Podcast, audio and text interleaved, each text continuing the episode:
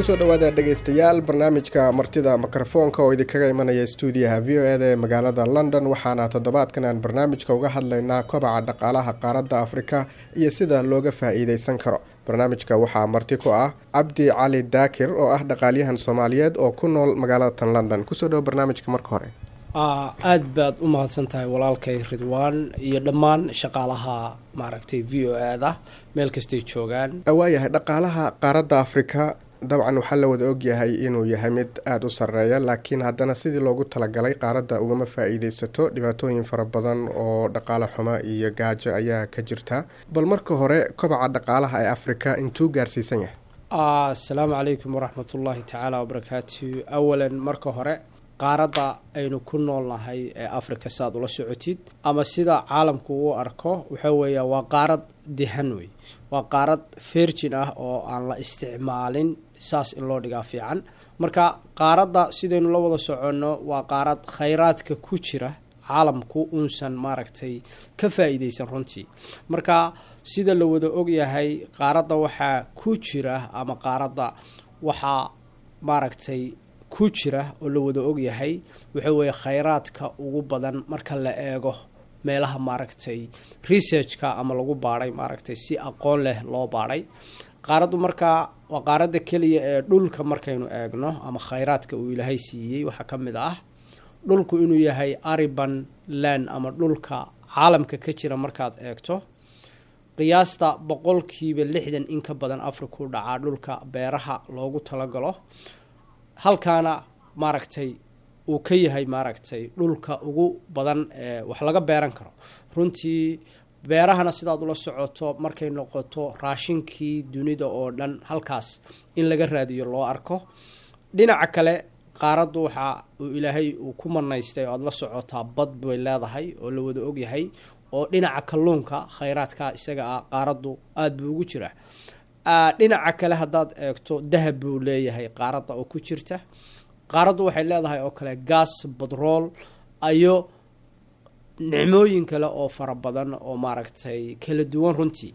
Waxaasoo dhan waxay kutusayaan caalamka haddii si saxa loo eego maaragtay researchka hortaalla in caalamku uu arkayo qaaradda africa inay tahay qaaradda keliya ee dunida oo dhan waxa ku jira ay ku filan yihiin runtii. Kobac dhaqaale ee dunida ugu weynna uu ka iman karaba qaaradda oo keliya maaragtay. Waayahay haddaan eegno marka khayraadkaas qaaraddu ay leedahay sidee looga faa-iideysan karaa? Maxaa loo baahan yahay in la maro si khayraadkaas ay u noqdaan kuwo dadku ay ka faa-iideystaan walaalkay ridwaan mar labaad aada baad u mahadsan tahay. Khayraadka sida aynu la wada soconno caalamku wuxuu ka hadlaa waxaa weeye kobac dhaqaale iyo horumar waddan kastana si aad la socoto dhaqaaluhu waa hubka ugu weyn ee caalamku maaragtay horyaalla runtii. Hadduu qofku wadanku uu kaa dhaqaale bato ama dowladda ay dowlad ka dhaqaale badato sida aynu wada ognahay way kaa awood badnaanaysaa wayna kaa horumar badnaanaysaa. Dhaqaalaha koritaankiisa markaa ayaa culays la saaraa oo ah in laga shaqeeyo kobaca dhaqaalaha in laga shaqeeyo. Halkaa iyada ah kobaca dhaqaalaha sidii looga shaqeyn lahaa waa in la helaa maalgashi in wadan kasta oo caalamka ah loo helaa runtii. Maalgashiga marka qaaradda africa ama qaaradda aynu ka mid nahay waxa weeye caalamkaoo dhan waa meesha keliya ay u arkaan in la maalgelin karo maalgashigana meeshii markaa sectoriska aan kuu sheegay ee faraha badan meeshii ku habboon in laga faa-iideysto oo la geliyo kharash aada iyo aada u badan.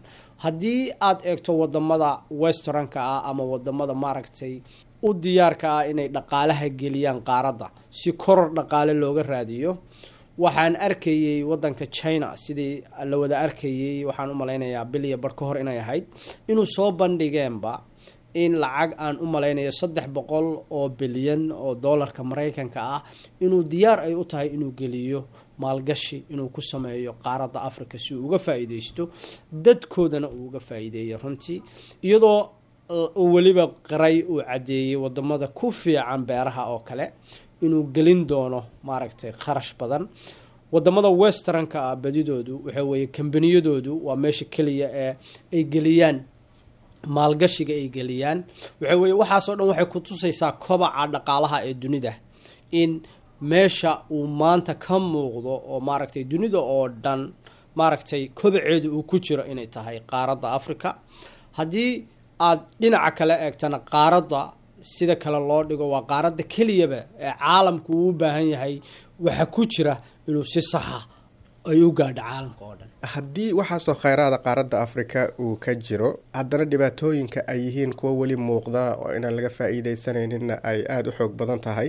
Maxaa u sababay kula tahay in dadku iyo dowladaha jira ay ka faa-iideysan waayaan kheyraadka uu ilaahay siiyey runtii marka aan eego investmentka sida caalamka oo dhan hortaalla global investors building better solution.